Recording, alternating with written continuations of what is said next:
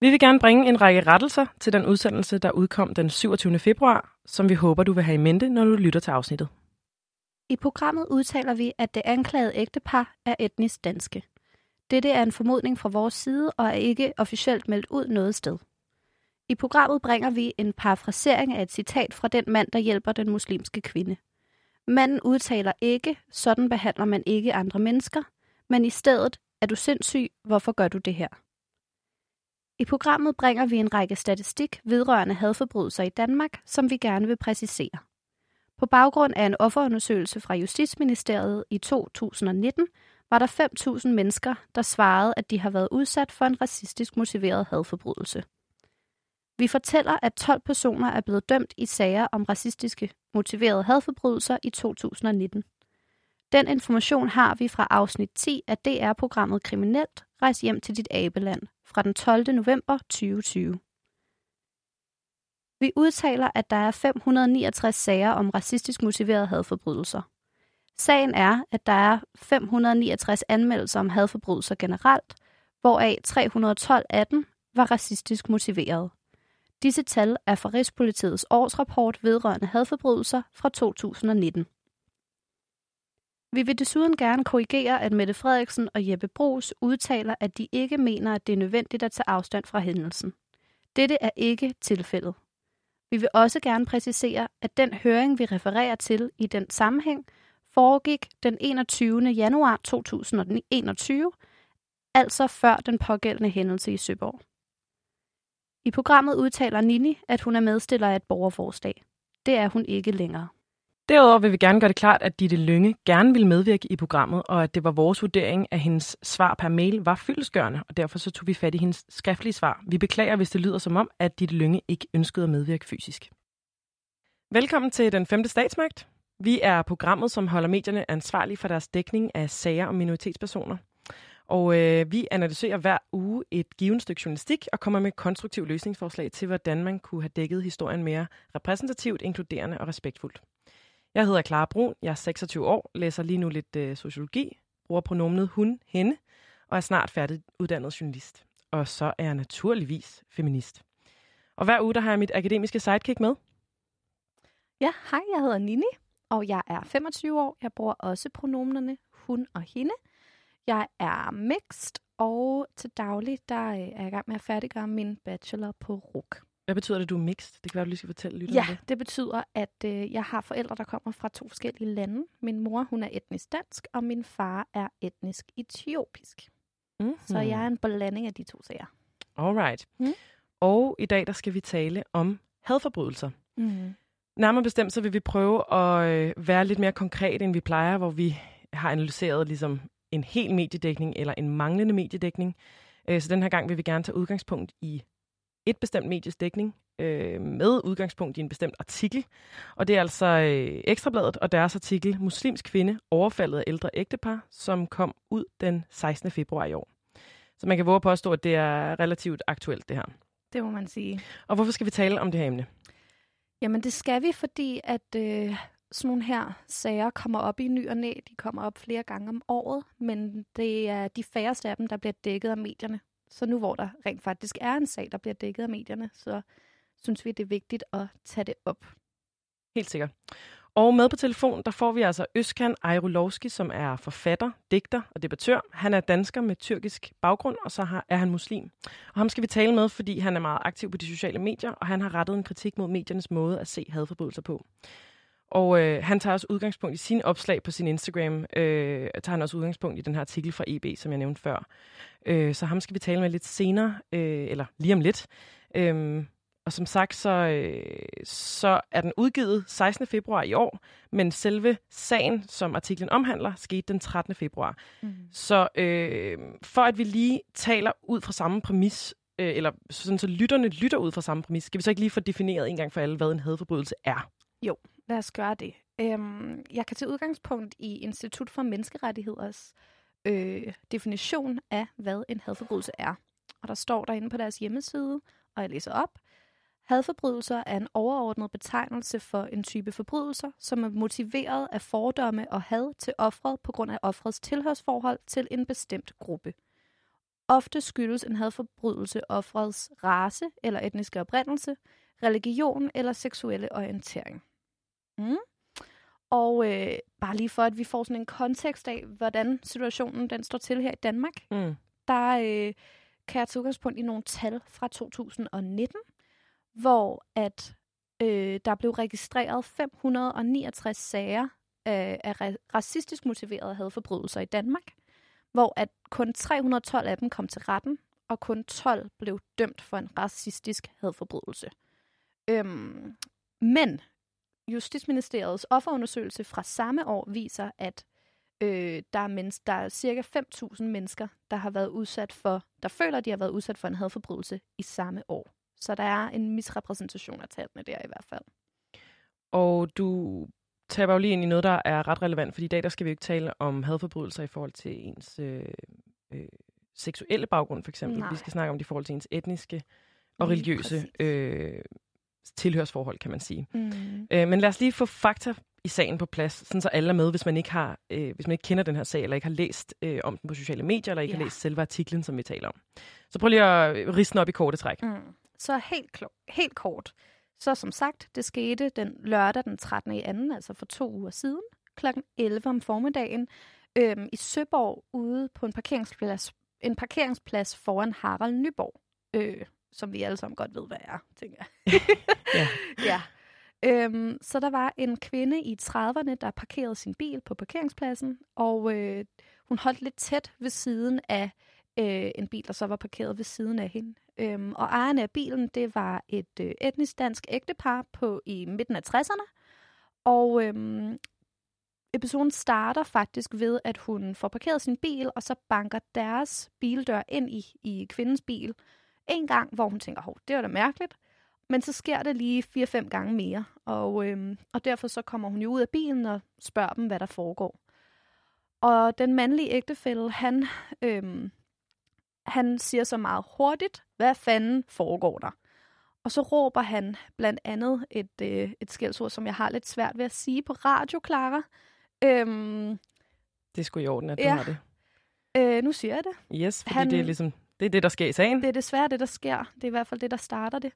Han, øh, han råber perkerkælling og øh, tager hjem til der, hvor du kommer fra. Og så snotter han kvinden i ansigtet.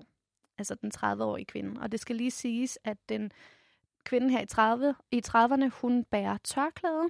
Øhm, yes. Nå, så den kvindelige ægtefælle, altså i midten af 60'erne, hun holder damen fast, mens manden slår hende på ryggen og skuldrene. Og øh, der er vidner omkring på parkeringspladsen, der ser det, men der er ikke nogen, der, der gør noget. Og øh, derefter så bliver hun øh, reddet, kan man sige, af en fremmed mand, der kommer ud af Harald Nyborg og stiller sig ind mellem øh, den ældre mand og den her unge kvinde, fordi at den ældre mand har taget et retlås frem og gør sig klar til at slå hende med det.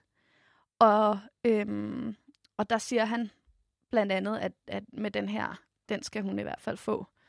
Øhm, og manden, der så redder hende, siger, øh, at, at sådan her behandler man ikke mennesker, og ægteparet, de kører så væk. Men øh, mand, der redder hende, kigger så tilbage på hende og siger, det er da også lidt provokerende øh, med de tørklæde. Øhm, og så efterfølgende, så kommer den unge kvinde så på skadestuen, og det viser sig, at hun har en rigtig slem hjernerystelse, og så har hun selvfølgelig også øh, smerter i nakke og ryg, efter at de har slået hende. Øhm, ja. Og man kan jo ikke lade mig at tænke, at det her det må selvfølgelig udløse noget politisk. Mm. Øh, først og fremmest vil jeg lige sige, at sagen den er dækket i medierne. Jo jo, øh, den er dækket af Ekstrabladet, øh, Jyllandsposten, P1 og så internetmediet Solidaritet, og ellers så har den kun været dækket på sociale medier. Ja. Øh, men kan du ikke lige fortælle, hvor sagen den er landet politisk? ja, det er jo lidt svært at sige, hvor den er endt politisk, fordi sagen stadigvæk er i gang. Men øh, Sikander Siddiq, øh, formanden for Frie Grønne, han har i hvert fald taget det op i øh, Folketinget øh, sidste uge, fordi at han i hvert fald mener, at det her det er en hadforbrydelse. og Han synes, det er meget vigtigt, at Mette Frederiksen tager afstand fra det. Øhm, men både øh, Mette Frederiksen og Jeppe Brugs, som er retsordfører for Socialdemokratiet, har udtalt, at de ikke mener, at det er nødvendigt øh, at tage afstand fra den her hændelse. Øhm, ja, men man kan i hvert fald sige, at Nå jo, og grunden til, at de synes, at man ikke behøver at tage afstand fra det, det er fordi, at øh, indført her per 2021, så skal politiet have en to-dages workshop om, hvad en hadforbrydelse er. Ja, ifølge det nye politiforlig. Ifølge det nye politiforlig, lige præcis. Øhm, men ja, så jeg kan ikke sige, at det er en afsluttet debat. Jeg kan tværtimod sige, at jeg tror, at den her debat lige er påbegyndt. Altså, mm. at vi kommer til at se meget mere. Mm. Men øh, før vi går videre, så lad os lige ringe vores øh, dagens gæst op, og det bliver mm-hmm. altså per mhm. telefon, fordi øh, det er covid-19. Så nu ringer vi til Øskan Ajolowski, som er forfatter og digter. Hallo? Det er Øskan. Hej Øskan, du taler med Clara og Nini inden for Radio Loud. Hej. Hej. Hej, velkommen til. Nej, tak, og tak for invitationen. Jamen, det er også der takker, fordi du har lyst til at tale med os. Uh, vi har jo nogle spørgsmål vedrørende din uh, aktivitet inde på Instagram og uh, den her sag om den muslimske kvinde, som er blevet overfaldet. Ja. Uh, først og fremmest så uh, vil jeg sige til lytterne, at øh, det du ligesom øh, har lagt ud, det handler om, at du ikke mener, at Mette Frederiksen anerkender racisme, og du sætter spørgsmålstegn ved, om emnet overhovedet var kommet på den politiske dagsorden, hvis ikke Ekstrabladet havde dækket det. Så lad mig starte med at spørge dig, hvorfor har du delt de her opslag, som du har? Øhm, altså det startede med, at jeg stødte på den her historie om den muslimske kvinde, der blev overfaldet af et ægtepar. Mm. Øh, jeg så det faktisk først, at der var nogen, der har skrevet om det på Instagram. Mm. Øhm, men, men fordi jeg ikke var sikker, altså jeg synes ikke, at der var en, en kilde nok til, at jeg kunne dele det, så lå det være til at starte med. Og så da jeg så ekstra, der havde delt den, øh, og jeg læste artiklen, så blev jeg faktisk meget farvet over det, fordi der stod beskrevet, hvordan hun blev overfaldet, og hvad de opdagede hende. Og så stod der længere ned på artiklen, at politiet afviser, at det var en hadforbrydelse. Mm. Og da jeg stødte på det her, og jeg læste det, så, så synes jeg ikke, at der var... Altså, jeg synes, det fortjente opmærksomhed. Mm. Og det var derfor, jeg lavede den her post, hvor jeg tog et screenshot af overskriften, og så tilføjede jeg selv, men politiet afviser, at det er en hadforbrydelse. Mm. Øh, for ligesom man gør det klart til alle, der kommer forbi billedet, at det er det, det drejer sig om. Ja, og det skal lige siges, at en hadforbrydelse er en ekstra straf, fordi de er allerede blevet sigtet for vold, selvfølgelig, mm. øh, og herværk. Men ja, som du siger, Øskan, det er i hvert fald berettiget den her situation. Men hvorfor er det vigtigt for jer to, når I snakker om det her, hvorfor er det vigtigt at anerkende det som en hadforbrydelse? Hvorfor skal de have den ekstra straf? Er det ikke fint nok at blive dømt for vold? Øhm, jo, det er fordi, at som, som jeg ser på det, jeg kan huske siden altså, sidste sommer, øhm, hvor der kom det her diskussion omkring, findes der racisme i Danmark? Øh, der blev jeg meget overrasket over, at der var rigtig mange danskere, der mente, at det ikke er et problem i Danmark. Mm. Øhm, der var en undersøgelse, der var noget med, omkring 50 procent havde svaret med, at de ikke ser det som et problem. Altså, de ikke, ser, at de ikke tror på, at racisme er et problem i Danmark. Og hvis de her overfald, som er racistisk motiveret, hvis de bliver anerkendt som hadforbrydelser og racisme, så passer det ind i den teori, der er nogen, der har om, at racisme ikke er et problem i Danmark. Mm. Og det er derfor, det er vigtigt, at når det drejer sig om hadforbrydelser, så skal det anerkendes som hadforbrydelser. Og så skal det også få den her straf, så at andre kan se, at okay, du ved, om jeg altså andre kan se, at hvis, de bliver, hvis, altså hvis andre overvejer at lave de her racistiske hadforbrydelser over for andre, så kan de sige, okay, man får faktisk en skærpet straf for det. Mm. Så forhåbentlig gør det, at de holder sig tilbage. Og grunden til, at du kan sige, at det er en hadforbrydelse nu, det er jo også fordi, nu har øh, politiet jo anerkendt, at det er, var en racistisk motiveret forbrydelse, det her. Ja. Det skal vi måske lige huske at sige til lytterne, at du jo også har rettet i dit opslag på Instagram. Det er rigtigt, ja. Ja, de anerkendte det den 19. februar, mener jeg. Okay. Og, og hvad tænker du så om, eller jeg ved ikke, om du vil byde ind på den her linje? Jo, øhm, i forlængelse af, hvad Øskan siger, så vil jeg også sige, at det er enormt vigtigt, at vi får, at mennesker bliver sigtet for hadforbrydelser, når det er så tydeligt, som det for eksempel også er i den her sag. Fordi at vi kan se, at der er rigtig mange situationer, hvor at de ikke bliver sigtet, selvom det meget utryggeligt er enten racistisk motiveret eller motiveret af andre former for minoritetstilhørsforhold. Øhm, og grunden til, det er vigtigt, det er, fordi vi skal have dokumentation for, hvor, hvordan det står til i Danmark. Mm. Altså netop som Øskan siger, når der er så mange mennesker, der ikke tror på, at racisme findes, så er det enormt vigtigt, at vi får et system, der kan, øhm, der kan belyse, hvordan det egentlig foregår. Mm. Øh, og det kan vi for så at skabe forandring, for at finde ud af, hvordan er det, vi beskytter minoriteter bedst, sådan så at alle er lige i det demokratiske samfund, vi har. Øhm, nummer to ting, det er også, at vi kan fremme en tryghedsfølelse, som er meget vigtig, fordi at når man er en del af minoritetsgrupper, som kan blive udsat for hadforbrydelser, så kan det gå ind og påvirke ens mentale tilstand rigtig meget. Og det gør faktisk, at folk bliver hæmmet i for eksempel at deltage i sociale eller offentlige debatter, fordi de føler sig meget fremmedgjort, men udover det, de føler sig også hadet af samfundet, fordi mm. de ikke føler, at det bliver taget alvorligt. Så øhm. vold er ikke bare vold, og en dom er ikke bare en dom? Nej, der er meget mere på spil. Okay. Men, det, det ja, hvad siger du, Øsken? Det, det, altså, det, det er meget småt formuleret. Øhm, fordi at hvis, du ikke, hvis vi ikke anerkender... fordi hvis vi ikke anerkender, at vi har et problem, så kan vi jo heller ikke løse det. For at sige det sådan for at tilføje det, du sagde der. Mm. Så hvad tænker du, Øskan, om mediernes dækning af den her sag? Altså til at starte med, ud fra hvad jeg kan huske, så tror jeg kun, det er ekstrabladet, der er dækket, i hvert fald til at starte med. Øhm, jeg synes ikke, jeg har stødt på den andre steder. Den er dækket af, øhm. altså lige præcis sådan den her breaking nyhed om det er dækket af Ekstrabladet, men ellers så er den i flere nuancer dækket af øh, P1, øh, internetmediet Solidaritet og Jyllandsposten. Men okay. det, det, der har været mest fremme på de sociale medier, det er uden tvivl øh, Ekstrabladets dækning. Ja, fordi de har også interviewet offeret. Ja. Og, ja. og det, det synes jeg faktisk øh, var ligesom noget af det, de gjorde rigtigt i den her sag. At de faktisk fortalte historien ud fra offerets perspektiv. Øhm, og, og hvordan, er det ligesom, vigtigt? Øh, for, fordi at jeg synes, at når man læste den her artikel, så fik man meget empati for offeret. Øhm, og hun bliver, hun bliver nævnt som en muslimsk kvinde, hvilket hun er. Og det er vigtigt i den her sammenhæng, fordi at gerningsmændene netop brugte de her ting efter hende. Som, som viser, altså, som tydeliggør, at det var racistisk motiveret. Mm. Øh, men, men i det, at de fortæller historien fra hendes perspektiv, og hvordan hun oplevede det, hvilke ligesom, konsekvenser det har for hende, så gør det også, tror jeg, at læserne får mere følelse for hende. Selvom hvis de for eksempel bare havde bragt en nyhed fra politirapporten, og en kvinde overfaldet osv., så ville man ikke få samme følelse med, når man læser historien. Øh, og der er også, som man kan se på kommentarerne, lige snart det handler om en minoritet, eller især hvis det er en kvinde eller en muslimsk kvinde, så er der rigtig mange, der ligesom ligger anklagen hos offeret. Det der med, jamen det er sikkert hendes egen skyld. Og det synes jeg, at dækningen af den her sag, den gjorde, at der var de her perspektiver, der viste ligesom, okay, for det første, han, han var fysisk større end hende, så han kunne ikke gøre rigtig meget. Og hun, han råbte efter hende, og hans kone var der også, som tog fat i hende og de her ting. Gør, at de dækkede det meget grundigt, så man ligesom fik et helt billede hovedet af, hvad der foregik, og det gjorde bare, at man blev endnu mere farvet over det. Mm.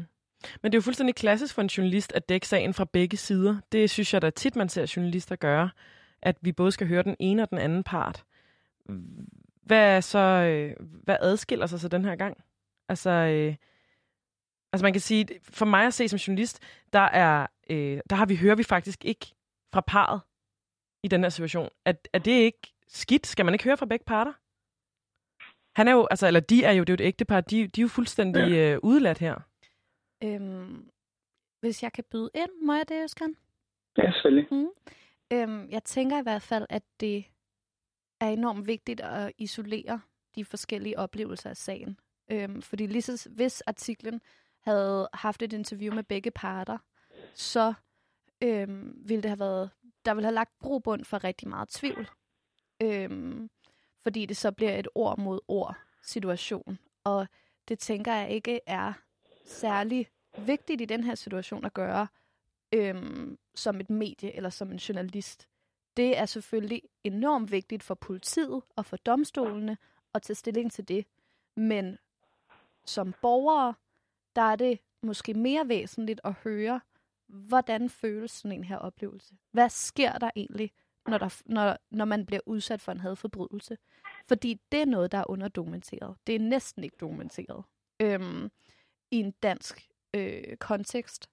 Og det er derfor, den her, lige præcis det her interview er så vigtigt, fordi at hun bliver humaniseret, ligesom Øskan også siger. Øhm, hvad hedder det? Artiklen frembringer også, at hun flere dage efter har kvalme og søvnløshed og kaster op og er bange for at gå ud af en dør. Og det, når vi snakker om mental sundhed i vores samfund, så er det jo virkelig væsentligt at kigge på de minoritetsgrupper, som kan blive udsat for for de her sager, og hvordan det påvirker dem mentalt. Øhm, ja. Men er det ikke dårlig stil ikke at høre gerningsmanden? Eller kvinden? Eller ægtepar, eller hvad det nu er? Det synes jeg ikke. Hvorfor ikke?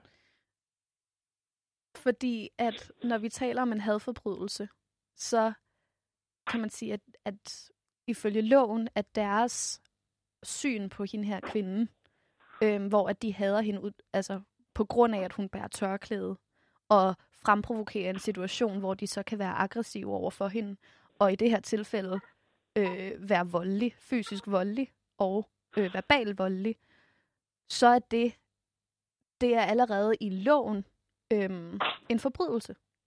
Og det at undersøge, hvorfor de har det sådan, eller undersøge deres vinkel af det, det føler jeg ikke, eller det mener jeg i hvert fald ikke er nødvendigt. Mm. Øhm, fordi det er en forbrydelse at gøre, hvad de gør. Mm. Hvad tænker du, Øskan? Jeg tænker det samme, fordi at det er noget andet, hvis lad os antage, at politiet har sagt, at de ikke har sigtet nogen i sagen.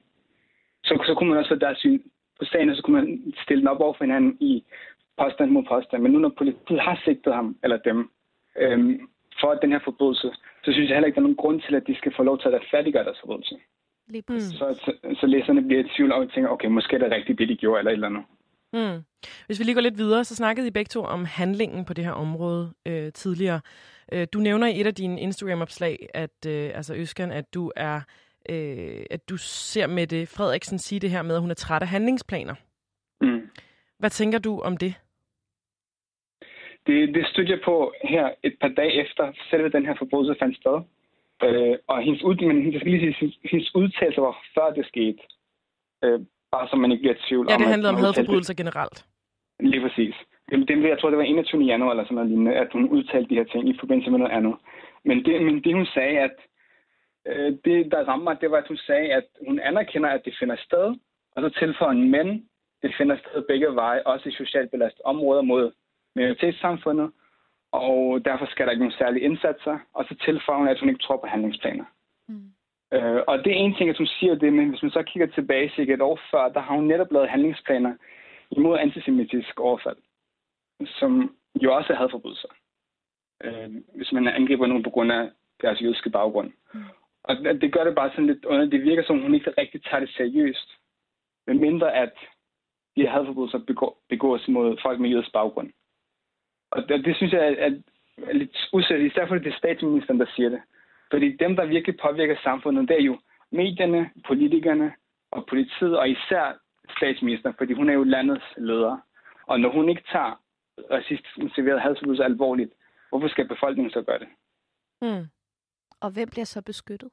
Altså, øhm, Ja. Fordi at loven mod hadforbrydelser gælder ikke kun øh, racistisk eller etnisk øh, motiveret øh, tilhørsforhold, men det gælder også seksuel orientering for eksempel. Mm. Så kan vi debattere senere, at den lovgivning for eksempel også er lidt mangelfuld. men, øhm, men det betyder faktisk, at for loven, så skal alle minoriteter beskyttes. Alle minoriteter skal beskyttes ligeligt. Øhm, og når en statsminister ikke har tænkt sig at, at give den øh, respekt over for andre former for minoriteter, så for mit synspunkt i hvert fald, så belyser det i hvert fald, at der er en, øh, der er en hel masse minoriteter i samfundet, og så er der bare nogen, der ligger lidt længere nede på listen, desværre. Mm. Men vi er jo et øh, mediekritisk magasin, så lad os prøve at tale om dækningen. Lad os prøve at snakke om, hvad øh, Ekstrabladet gør rigtigt her. I nævner noget om, at det, vi ser som læser øh, historien fra offerets perspektiv. Øh, vi bliver for humaniseret offeret. Øh, vi bliver trukket med ind i oplevelsen. Vi kan faktisk nærmest mærke det på egen krop. Øh, hvad tænker I ellers er positivt ved den her historie?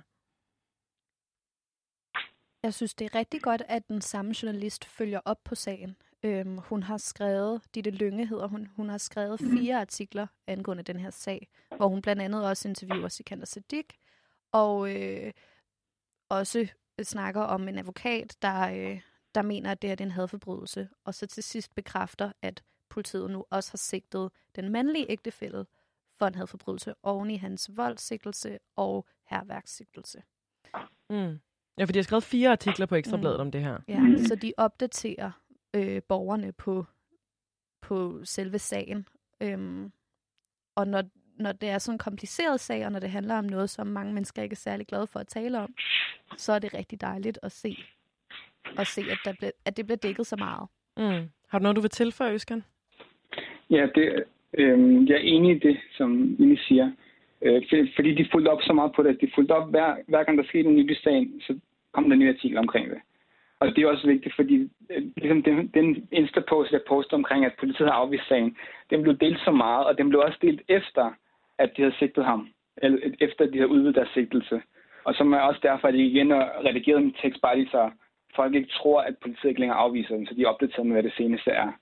Og det er det, som Ekstrabladet gjorde rigtig godt, for ofte så kan der være nogle, nogle historier fra medier, som skaber rigtig meget dynamik og farvelse, og så ændrer historien sig med, så mediet følger faktisk ikke op på det, så folk bare fortsætter med at dele den. Mm. Fordi, fordi det skaber så meget trafik til der sidder for eksempel. Ikke? Mm.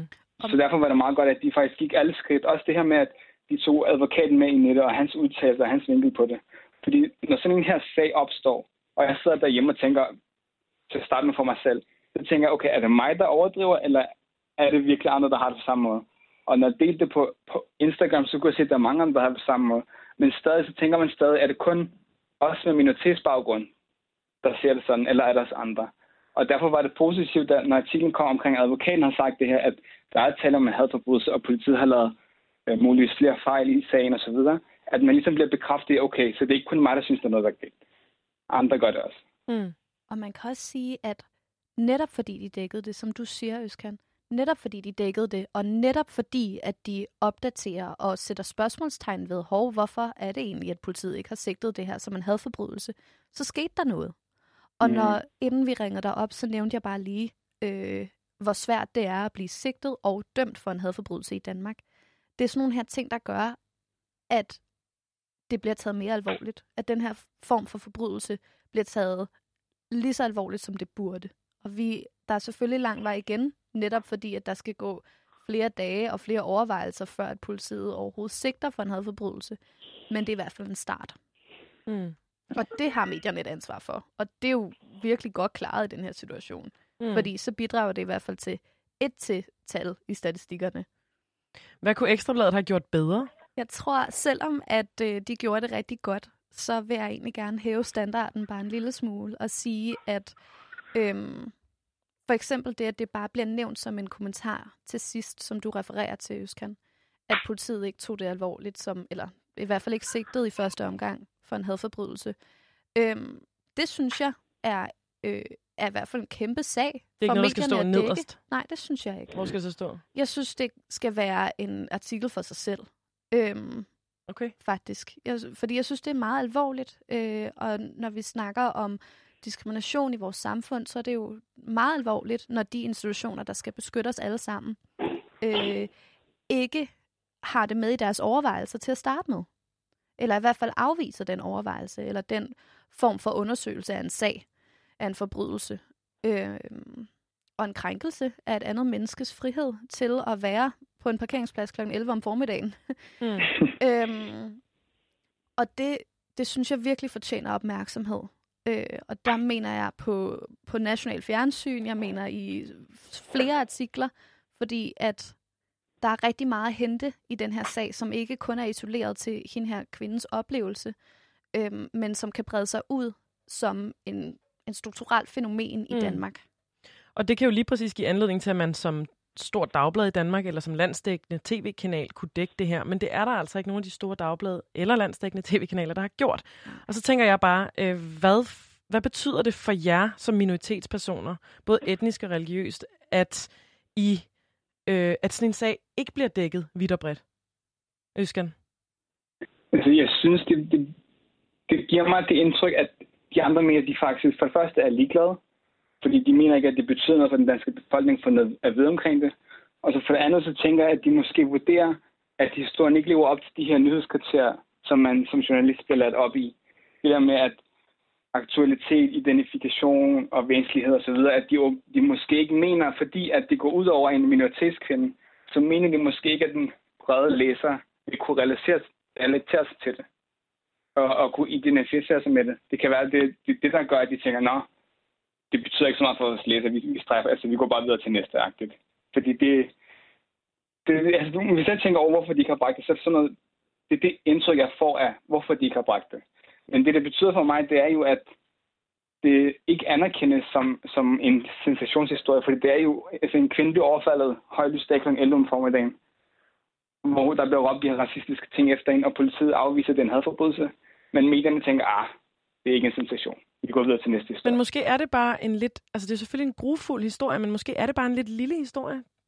Det er jo bare i Søborg kl. 11 om formiddagen uden for en Harald Nyborg. Hvorfor er det ikke men bare en lille det, historie? Altså, selve historien er måske ikke verdens største. Men det, at politiet afviser, at den havde forbrydelse, når hun bliver råbt over flere omgange. Jeg, jeg, der, der var et citat, at hun blev kaldt perkerluder og skråb hjem, hvor du kommer fra, og perkerkælling. Og politiet efterfølgende siger, det er ikke en hadforbrydelse, og afviser det totalt. De siger ikke noget med, at vi er i gang med efterforskning og så videre. De siger bare, nej, det er ikke en hadforbrydelse. Men de har jo erkendt senere hen, at det er en hadforbrydelse. Det har de senere, ja, men, men der gik tre-fire dage før de gjorde det, og det er ligesom den dag efter blevet bragt det der kunne den sagtens have været en større historie i andre medier også. Mm. Øhm, jeg vil også sige, at det, at det så ikke kommer frem i landsdækkende medier, udover Ekstrabladet og en kort artikel i Jyllandsposten, øhm, det bidrager, eller for mig så bekræfter det vores situation i Danmark. Det bekræfter, at når minoriteter ikke bliver beskyttet, hverken af loven eller i offentligheden, øh, så er det ikke en sensationshistorie. Og det mm. behøves heller ikke at være en sensationshistorie. Men som medie, som den fjerde statsmagt, og som bindeledet mellem politik og samfund, så har medierne et ansvar for at fremme den offentlige debat på demokratisk vis, øh, og med en beskyttelse af menneskers ytringsfrihed. Og når jeg siger ytringsfrihed, så mener jeg også ansvaret for, at alle bliver behandlet med respekt inden for den offentlige debat. Og en ting er, at når medier så dækker sager som denne, at det kan fremme hadfulde kommentarer i øh, kommentarsporene på sociale medier. Og det vender vi jo tilbage til. Og det vender vi nemlig tilbage til. Noget andet er, når det bliver usynliggjort. Altså når det ikke bliver dækket. Øhm, som minoritetsborger, fordi du spurgte nemlig, hvordan har vi det som minoriteter? Mm. Som minoritetsborger, så er det i hvert fald endnu en bekræftelse på, at jeg er usynlig i det her samfund. Tænker øhm, du det samme, Øskan? Ja, altså det, det, det styrker den her følelse med, at, som Line siger, at man føler sig ikke som en naturlig del af samfundet. Øh, men man føler sig som, ligesom, der er samfundet, og så er der os, i anførselstegn. Og, og, og man føler sig ikke vigtig på samme måde som andre borgere. Altså man føler sig nærmest som andenrangsborger, fordi at når så længe det sker mod os, så er det ikke relevant, så er det ikke vigtigt. Og så, så bliver det usynliggjort, som Jenny siger. Og det styrker den følelse ved, at sådan nogle, altså, sådan nogle historier ikke rammer det, det brede medier. Fordi hvis man ved, altså, nu skal jeg ikke konkludere for meget, men hvis det var omvendt, hvis det var en minoritetsperson, der havde overfaldet ægteparret, så sandsynligheden for, at den var blusset op, er en del større, fordi lige pludselig ville der sikkert være flere politikere, der havde en holdning til sagen. Ja. Mm. Og her kommer du også ind på det her med, at medierne og politikerne kan styre diskurserne, altså mm. i hvordan vi taler om ting. Øhm, og jeg synes i hvert fald også, at det, at vi to, altså Øskan og jeg, kan sidde og rose en journalist for at anerkende et menneskes oplevelse og give det tid. Vi står i hvert fald i en situation, hvor at det er det, vi er enormt glade for og taknemmelige for. Mm. Vi er taknemmelige for, at vores oplevelser af traumer kan blive øh, kan komme frem i medierne mm. øhm, og blive anerkendt for det. Og det viser i hvert fald det, som Øskan siger, at man får en følelse af at være en andenrangsborger. Og Institut for Menneskerettigheder har i hvert fald også gået ind og bekræftet, at det kan give så, eller det giver så mange mentale gener. Øhm, ikke at blive repræsenteret, men også blive repræsenteret på en hadefuld måde i medierne. Mm. Altså, jeg har lyst til som det næste at spørge, er det her ikke bare et enkeltstående tilfælde? Men det svarede du jo på i starten, Nini, øh, før vi ringede dig op, Øskan, at der i Danmark i 2019 blev registreret 569 sager om øh, hadforbrydelse mm. med racistisk motiv, hvor 312 kom til retten, og 12 i, sidste ende endte med at blive dømt. Så det spørgsmål behøver jeg jo øh, faktisk var, var, ikke at stille. Var der kun 12, der blev dømt? Ja, det var kun 12, der blev dømt for racistisk motiveret hadforbrydelse. Ja, de 569. Ja. Øhm, og så oven i det, så har Justitsministeriets offerundersøgelse fra samme år øh, vist, at cirka 5.000 mennesker har sagt, at de føler, at de har været udsat for en racistisk motiveret hadforbrydelse. Men der er altså kun 500, hvad var det? 569, Ja, ja, ja. der i hvert fald blev anmeldt til politiet. Og det, øh, den, ja, den skævvridning i tallene, øh, det belyser i hvert fald også, at, og det kan jeg i hvert fald skrive under på, at som minoritetsborger har man manglende tillid til at blive taget alvorligt, når man er Mhm. udsat for traumatiske oplevelser i det offentlige rum. Fordi vi skal huske, at paragrafen mod hadforbrydelser gælder kun det offentlige rum. Mm, interessant. Så det er oplagt for mig at spørge, hvad betyder det så for jer, når sådan en her sag bliver dækket? Altså det, det skaber håb på en måde. Altså det, det giver en form for tillid. Fordi efter, efter jeg delte det efterfølgende opslag, hvor han var blevet sigtet, så var der faktisk flere, der skrev til mig, der svarede på min story, at det er ligesom, yes, ligesom der er håb, der er lys for enden af tunnelen osv. så videre. Der var der faktisk rigtig mange, der gjorde, folk som jeg ikke kender personligt, fordi de blev glade over, at okay, der er faktisk nogen, der tager os seriøst. Og at, at det bliver faktisk taget seriøst. Fordi det der med, at jeg siger, nu, nu siger jeg ofte os, fordi som minoritet, og som som det her lille minoritetssamfund, som vi har i Danmark, så når, når sådan noget sker, så føler man, at det, ligesom, det, det er os, anførselstegn, der bliver ramt. Og når man så, når der så ligesom kommer en succes, for eksempel, at nu bliver han anerkendt som en hadforbrydelse, og han bliver sigtet for hadforbrydelse, så føler man, at det er nærmest en sejr for minoritetssamfundet, fordi at vi, så, vi er så vant til, at vi ikke får de her sejre, at når det så endelig sker, så betyder det rigtig meget. Mm. Øhm, ja, det, ha- ja, præcis. Jeg kan ikke sige det bedre selv. Øh, Udover at noget, som jeg mener, du også lagde ind i din Instagram-post, det er, at der er andre sager, der også er blevet dækket af medierne, som jo ikke hverken, altså som ikke blev sigtet som en hadforbrydelse i Danmark, mm. men hvor det er øh, lige så tydeligt, hvis ikke tydeligere, end den her sag. Øh, for eksempel avisbuddet, der ender med at blive præcis. ihjel på Amager.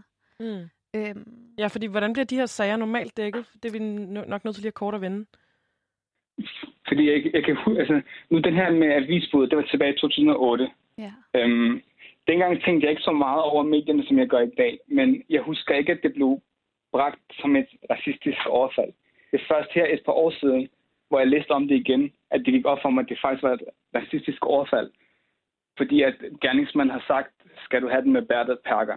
Og det kom frem, at de her øh, gerningsmænd og de to venner, som han kørte rundt med, at de var kendt for at sige racistiske ting, og de gik rundt og kaldte sig selv for DKP, Danmark knuser perkerne. Altså sådan nogle ting, som styrker indtrykket, at de her, de her drenge, de var meget unge, de andre de var kun 16 år, men de var ikke så glade for indvandrerdrenge og de her ting.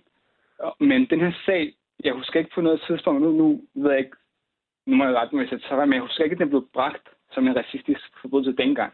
Nej. Fordi politiet var meget hurtigt, de var ude og afviste det. Ja, og de afviste, fordi at øh, øh, drengene, som dræbte øh, avisbuddet, de sagde, at grunden til, at de overfaldt ham, var fordi, at han kiggede på dem. Han kiggede lidt for Mhm. længe på dem. Og derfor så blev de ikke sigtet for en hadforbrydelse. Øhm, men det, som medierne gør, øh, når, de, når de dækker de her sager, de kan enten fremme debatten om inklusion og ligestilling i vores samfund, eller de kan bidrage til en større polarisering. Øhm, og som vi kan se i den her sag, så det, at medierne dækker, dækker det, det kan faktisk fremme en ændring. Mm. Øh, men også som du refererer til, Øskan, det gør også, at vi som minoritetsborgere kan forstå, altså, hvad vores rettigheder er. Fordi når vi ikke ser det i praksis, så bliver vi i hvert fald nødt til at vide det i teorien, for Mm. selv at kunne stå op for os selv. Lige præcis det der med, at hun faktisk fik advokater i sagen. Hun tog kampen op, og hun blev ved med at prøve, indtil at sigtelsen faktisk blev udvidet. Fordi der er mange andre, der ikke overgår til den her kamp. Mm. Og jeg har også hørt fra andre, som øh, ikke har oplevet lige så, altså lige, lige så voldsomt, som hun har oplevet. Men jeg har oplevet andre, der har sagt, at de er blevet antastet som racistisk osv., hvor man så spørger dem, "Men hvorfor melder du det ikke? Jamen, de tager det alligevel ikke lovligt. Har du oplevet øh, noget, Øskan, om jeg må spørge? Og man må godt sige, at man ikke har lyst til at sige det på. Ja, det må man gerne. Altså, øhm, fysisk har jeg ikke.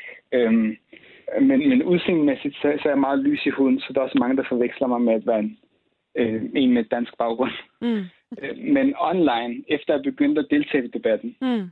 Øhm, så næsten hver gang jeg har et eller andet, øh, for jeg har skrevet mange debatindlæg før, og hver gang at for eksempel Politikken eller Ekstrabladet øh, bringer en af mit debatindlæg på Facebook, så kommentarsporet det er bare fyldt med, hvis du ikke er tilfreds, rejse hjem, hvor du kommer fra, mm. og du er ikke taknemmelig for at være Danmark, og jeg ved ikke hvad, og, og så får man de her beskeder i indbakken. Der var en, der har skrevet til mig på et tidspunkt, hvorfor tager du ikke bare ud i skoven og skyder dig selv? Ej, puha. Og jeg tænkte, og jeg tænkte, altså, hvorfor, hvorfor skal jeg tage hele vejen til skoven? altså, og så ligesom, altså, hvor, hvor,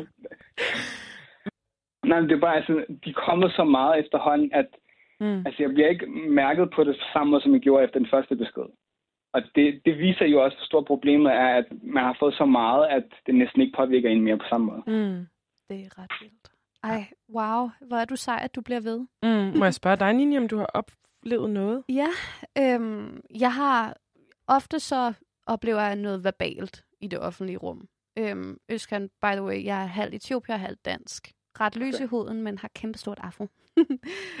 øhm, så ofte så handler det om mit hår, eller det, at jeg er sort, eller at de bruger n-ordet og så videre, men jeg har også oplevet et par gange, hvor det bliver fysisk. Øhm, og jeg kan stå tilbage og sige, ja, jeg meldte det ikke til politiet. Jeg lavede den fejl ikke at bidrage til statistikkerne, fordi det mindste det at melde til politiet gør, at man kan på en eller anden måde få det igennem statistikkerne. Og det gjorde jeg ikke. Og det gjorde jeg ikke, fordi at jeg ikke troede på... Jeg troede ikke på, at de ville tro på mig, altså for det første fordi mm. det er så svært at bevise. Øhm, og så kunne jeg ikke overskue hele processen i det, fordi jeg synes, det var rigtig hårdt. Mm. Ja. Ja, tak fordi I delte i hvert fald. Øhm, jeg tænker, altså, hvad skal der til for, at etniske minoriteter, altså folk med for eksempel mellemøstlige rødder, kan blive taget alvorligt i mediebilledet i Danmark? Altså, jeg, jeg tænker, at for det første, så, så skal vi fremgå i flere historier, der ikke handler om integration, kriminalitet og religion. Fordi øh, lige nu, altså de fleste historier, hvor, hvor at minoriteter opstår som kilder, mm. det er jo sager omkring de her tre specifikke emner. Mm. Noget med integration, kriminalitet eller religion.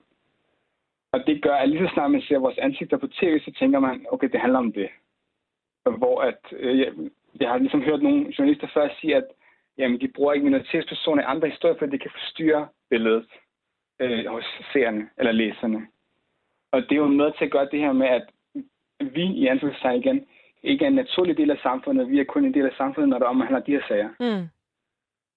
Øh, og, og det, det, og det igen, det styrker den her følelse at man, man føler nærmest alt om en handler om det. Fordi vi, altså vi, gør, vi tænker også ting om klimaet, vi tænker også ting om boliger og alle mulige andre emner. Mm. Men, men det er som, at det kun er de her sager, i de her tre emner, hvor at vi er inter- interessante kilder. Mm. Øh, der var, jeg tror, det var øh, ansvarlig præst, der nogle år siden, der, der lavede sådan den her undersøgelse, som viste, at det var 4% af kilderne, øh, som var med minoritetsbaggrund. Og i næsten de fleste tilfælde, der var det de her tre emner, det drejede sig om. Lige præcis. Mm, så det er en form for normalisering af jer i gåsøjne som kilder. Altså, mm. det skal bare være fuldstændig naturligt indtænkt. Ja, at hvis du er ja. tandlæge, og så ja, vælg en anden tandlæge end den normale gamle mand, du plejer at interviewe som mm. journalist. Vælg en anden. Altså ansvarlig presse har lavet en liste, så man behøver ikke engang at lede særlig langt. Mm. mm. Øhm, for at, ja, fordi vi eksisterer i alle lag af samfundet. Vi er en del af samfundet. Mm. Vi er ikke, ja. Så hvilken rolle og dermed hvilke muligheder har medierne i en sag som den her, Øskan? Øhm, altså, medierne har, har altid en, en kæmpe rolle, øh, uanset nærmest hvilken sag de kommer ind på. Men især, især den her, vi kan se på konsekvenserne af, hvilken rolle den har, for det, han endte jo med at blive sigtet for hadforbrydelse efterfølgende. Spørgsmålet er, var han blevet det, hvis medierne ikke havde bragt den? Hvis, hvis den her journalist, hvis her Ditte Lønge ikke har skrevet den her historie, og den ikke var blevet diskuteret, politiet ikke har fået den her kritik, ville sigtelsen så være udvidet? Vil politiet have fokus på at udvide den? Det, det viser jo, hvilke rolle medierne kan have i en sag som den. Mm. Hvad siger du, Nini? Øhm, jeg vil sige, at medierne har et ansvar på, øh, for at formidle sådan nogle her sager, sådan nogle her historier, på en meget ansvarsfuld måde. Altså, mm. øh, man skal virkelig tænke sig godt om som journalist. Men er det ikke også derfor, at journalister ikke har lyst til at, at dække de her sager, fordi de bliver bange for ikke at dække dem korrekt?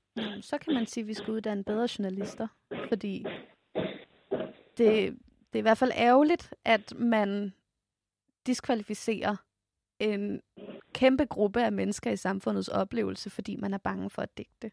Mm, det er ikke magter opgaven. Fordi så belyser det i hvert fald, at der er mangel på undervisning i, hvordan man dækker sager, der er hårde. Og det giver ikke nogen mening, fordi at medierne dækker sager, der er rigtig hårde hele tiden. Mm. Øhm, så helt sikkert, medierne har et ansvar på at formidle det ordentligt. Også fordi, at hvis de nu vælger at putte en hadefuld kommentar ind i rubrikken, jamen så fremmer det faktisk hadefulde kommentarer inde på sociale medier. Så de bidrager simpelthen til den offentlige debat, de bidrager til, hvordan vi snakker om sådan nogle her sager. Og, øh, og når jeg siger, at de skal gøre det ordentligt, så mener jeg, gør det mere også. Mm. Tag, os, tag vores oplevelser alvorligt. Og det er ikke kun inden for etniske minoriteter øh, eller religiøse minoriteter, at man kan opleve hadforbrydelser. Det kan man også, hvis man er handicappet. Det kan man også, hvis man har en non-binær identitet. Øhm, og nu hvor at statistikkerne er så mangelfulde, og øh, domstolenes afgørelser er så mangelfulde, og politiets sigtelser er så mangelfulde, jamen så har vi da heldigvis en instans, en, altså en fjerde magtinstans i vores samfund, der hedder medierne, som kan gøre noget. Mm. Så grundlæggende er det her faktisk et demokratiproblem. Det vil jeg sige, det er. Ja. Som altid er- det det, vi ligesom må konkludere i den femte statsmagt. ja, Men her inden vi, øh, vi, vi runder af med dig, øh, Øskan, så vil jeg spørge dig, om du har noget på hjerte, som du ikke har fået sagt? Puh, jeg tror, jeg, jeg tror, vi kommer omkring det, det meste. Mm. Øhm, ja, det, jeg fik, mig- det fik mig faktisk til at tænke på et citat af Malcolm X, når Mm. vi snakker om det her. Øh, fordi han sagde faktisk engang om medierne, at medierne har magten til at gøre en uskyldig mand skyldig, og en skyldig mand uskyldig. Og han Så- sagde det, og han, altså, han blev dræbt i 1965.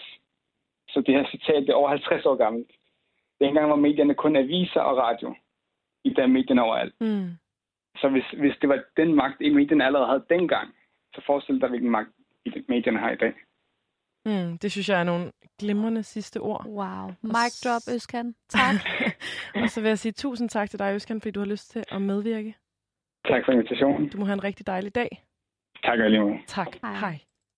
Og hvis man har lyst til at følge Øskan Arulowski, som altså er forfatter og debattør og øh, poet, så, har han, øh, så kan man gå ind på hans Instagram, som hedder OZCANA Poet, altså Oskana Poet. Og øh, så kan man tjekke de Instagram-opslag ud, som vi taler om. Derudover så vil jeg også lige sige, at han har skrevet øh, digtsamlingen Jeg vågner op som fremmed, som altså handler om hans oplevelser som øh, øh, religiøs og etnisk minoritet i, i Danmark. Men altså, vi har talt med journalisten bag de her EB-artikler, som vi øh, omtaler, og hun hedder Ditte Lynge, og vi har spurgt hende om, hvordan arbejdsprocessen var, da hun skulle øh, dække historien. Og hun har svaret os på e-mail og skriver blandt andet, øh, Jeg kontaktede Københavns Vestegns politi for at høre, om de kunne bede eller afkræfte, at der var blevet indgivet en anmeldelse om et overfald den formiddag foran Harald Nyborg. Politiet bekræftede det og fortalte, at et ægtepar var sigtet for vold, men ikke for en hadforbrydelse. Og hvorfor er det her øh, interessant? Vi snakkede om det tidligere. Mm, jeg synes, det er vildt interessant, fordi at hvis det var det første, hun fik at vide om hændelsen, så synes jeg, det er spændende, at, øh, at det, at politiet netop ikke er sigtet for en hadforbrydelse, at det ikke fylder mere i hendes artikler. Øhm, eller artikel, den første artikel. Mm. Siger måske også lidt om, hvordan man bliver mødt som, som minoritetsperson, når man anmelder en, øh, en forbrydelse, øh, hvor der er blevet sagt ting, som jo omhandler ens øh, ophav. Mm. Hun fortæller også, altså hende her, journalisten Ditte Lynge, fortæller også, at hun har forsøgt at få fat i ægteparet, øh, som har øh, udsat den muslimske kvinde for det her, men uden held. Så måske var det egentlig mere held end forstand, at vi kun hører offerets udlægning af sagen, men det giver i hvert fald øh, alt i alt et helhedsindtryk af, at vi kommer tættere på offeret, øh, og vi forstår hende og ser det fra hendes perspektiv, uden at vi tvivler på hende. Øh, altså hvis man skal se det sådan journalistisk, så øh, er det at ser jeg det i hvert fald som, at det er at tvivle på et offer i en øh, historie, hvor der er to parter. Øh, så det at tvivle på offeret, det, altså man kan i hvert fald måske argumentere for, Mm. at det er i strid med pressenævnets regler for god presseskik, fordi i punkt B, styk 3, der siger øh, pressenævnets regler for god presseskik, at øh, ofre for forbrydelser eller ulykker skal øh, vises det størst mulige hensyn. Det samme gælder vidner og pårørende til impliceret. Så man kan vel argumentere for, at journalisten overholder det her i den her situation, fordi hun viser et, øh, et ultrastort øh, hensyn til, til offeret i sagen. Men man kan så vel også argumentere for det modsatte, at historier, hvor man tvivler på offrene, bryder mm. god presseskik, fordi man ikke udviser det hensyn, som de i hvert fald måske ønsker. Ja, lige præcis. Det er i hvert fald en snak, man kunne tage i et andet program af den femte statsmagt. Mm-hmm. Men du har noget på dagsordenen, som jo handler om, øh, hvad, det er, hvad, hvad medierne har for en magt i det her. Mm. Altså, øh, og, og hvad, øh, hvordan formidlingen af, forbrydelse, af historier om hadforbrydelser øh, har betydning for den demokratiske stemning i landet, kan man måske kalde det. Ja, man kan sige, at vi kom jo ind, vi kom lidt ind på det i vores øh, samtale med Øskan, øh, hvilket var rigtig spændende. Men jeg vil i hvert fald lige referere til øh, igen til en rapport lavet af Institut for Menneskerettigheder. At du har virkelig lavet din lektier som så vanligt. Jeg er bare fan af den institution, må jeg sige. Øhm, de har lavet en undersøgelse, der analyserer Facebook-sider øh, for DR og TV2 øh, fra 2017, for at prøve at undersøge, jamen, når, når medier dækker det her, hvad sker der så i den offentlige debat på øh, hjemmesider eller på cyberspace? Øhm, og der viser det, at 85% af kommentarerne er ikke hadfulde, men 15% af, af kommentarerne er, er hadfulde på Facebook. Og det er altså efter, at Facebook og medierne selv har kæmmet de værste hadfulde kommentarer ud. Så er der stadigvæk 15%, der er hadfulde kommentarer. Fordi at i den her undersøgelse af Institut for Menneskerettigheder, så viser de det her med, at øh, medierne har et ansvar for demokrati og ytringsfrihed, som vi har snakket om.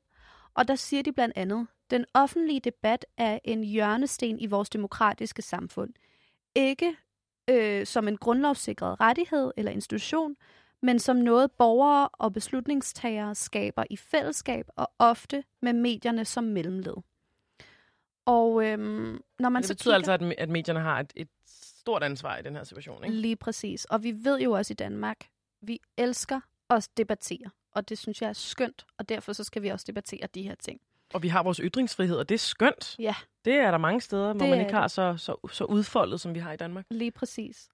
Øhm, og også minoriteters ytringsfrihed skal jo også beskyttes og bevares, og være en del af den offentlige debat, mener jeg i hvert fald, fordi vi er en del af samfundet. Øhm, men i hvert fald, så i kommentarsporene på lige præcis de her artikler skrevet Ekstrabladet, så øh, er der blandt andet en, der skriver, en skrækkelig historie, hvis alt, hvad hun siger, er sandt. Der er en anden, der skriver, ja, det er da også synd for hende, ingen tvivl om det, men hold nu op, jeg bliver træt af, at så snart danskere gør noget forkert over for en muslim, så skal det blæses op, og straks bliver racismekortet trukket. Øhm, det er bare for at belyse to forskellige former for kommentarer, der er blevet skrevet i den her sag. Så det, ud fra det kan vi konkludere, at det, som der bliver ligesom opfordret til i kommentarspor under artikler, der bliver øh, delt på sociale medier, det har en afgørende betydning for, hvordan folkestemningen er. Det har en afgørende betydning for, øh, hvordan, hvad, hvad det ligesom fodrer, hvad det avler nede i kommentarsporet, hvad som folk, der bare scroller forbi, ender med at læse, og dermed folks holdninger i sidste ende, og dermed folks opførsel i sidste ende. Ja. Hvis Og man kan kan drage have- sådan en konklusion. Ja, og Institut for Menneskerettigheder går ind og siger, at øh, de her kommentarer og framingen eller vinklingen fra mediernes side, det har en rigtig stor påvirkning for, hvordan minoriteter har det i samfundet, i offentligheden. Om det øh, skærper deres følelse af tilhørsforhold, eller om det fremmer det. Øhm, Så øh, vi skal faktisk desværre videre, øh, og i den her uge vil vi bringe ugens anbefaling, og det er dig, der har den med. Jeg har i den her uge taget en meget personlig anbefaling med, fordi at jeg sammen med tre andre virkelig seje og kloge og stærke kvinder har udformet et borgerforslag, øh, som handler om, at vi skal have en bedre lovgivning i forhold til hadforbrydelser. Og her snakker jeg om øh, straffeloven paragraf 266b, og jeg snakker også om straffeloven paragraf 81 part 6. Og de to hænger egentlig også godt sammen at øh, vores borgerforslag den kommer ud her næste uge, forhåbentlig. Og til at starte med vil jeg gerne anbefale lytterne at læse borgerforslaget. Eller gå ind på vores hjemmeside beskytminoriteter.dk og undersøge, hvordan I har det med det. Og hvis I også synes, at mennesker, øh, at kønsidentitet og handicap skal være en del af de minoriteter, der bliver listet, som skal beskyttes i hadforbrydelsessammenhængen, så håber jeg, at I vil skrive under. Derudover så handler vores lovfor- borgerforslag også om, at vi skal have konkretiseret, hvad det er, der afgør en hadforbrydelse. Altså, at motivet bag en handling behøves ikke at være 100% hadefuldt for at være en hadforbrydelse. Som vi har set i den her kontekst, så kan der være rigtig mange undskyldninger for, hvorfor det er, man begår vold mod en minoritet. Og selvom at vi alle sammen er frie i det her land, så skal vores lovgivning være bedre til at beskytte os. Vi er nødt til at runde af for i dag. Hvad har vi lært ud fra dagens snak? Jeg har lært, at øh, hvis man bliver udsat for noget hadefuldt, så skal man gå til politiet. Det har jeg lært efter vores snak med Øskan i dag, hvor at vi begge to har været udsat for nogle ting, men aldrig handlet på det juridisk. Og det skal jeg gøre. Det vil jeg gøre. Øh, jeg har også lært, at det her, den her sag handler om meget mere end en sag mellem tre mennesker. Den handler om medierne, den handler om domstolene, den handler om politiet, og den handler om, hvordan vi begærer, hvordan vi er sammen i offentligheden. Jeg tror, jeg har lært, øh, hvad det har for nogle konsekvenser, hvordan øh, man som journalist formidler historier om hadforbrydelser. Så har jeg lært, at det faktisk er at alt andet end at behandle, øh, altså se historier fra offers side, det er faktisk et, et, sådan et demokratibrud, kan man sige. Og derudover er det også, synes jeg selv, et, et brud på god presseskik. Mm. Øhm, og så har jeg også lært, at man som minoritet, hvilket jeg jo ikke er, ligesom der er Øskerne er, øh, føler sig set på et helt nyt niveau øh, ved, at de her sager bliver omtalt. Og at der faktisk ikke skal særlig meget til, for at man som minoritet føler sig set. Altså, der er meget taknemmelighed. Ja. Tror jeg vil sige. Øhm, så tusind tak for at gøre med selskab igen i dag. I lige måde, Clara. Vi håber, at I også er blevet klogere, fordi det er vi tydeligvis, og det er jo meningen med det hele. Næste uge, der tager Niklas og Marek sædvanen, næste uge, der tager Marek og Niklas sædvanen tro over og levere repræsentativ radio til jer, og det er som altid lørdag formiddag kl. 11.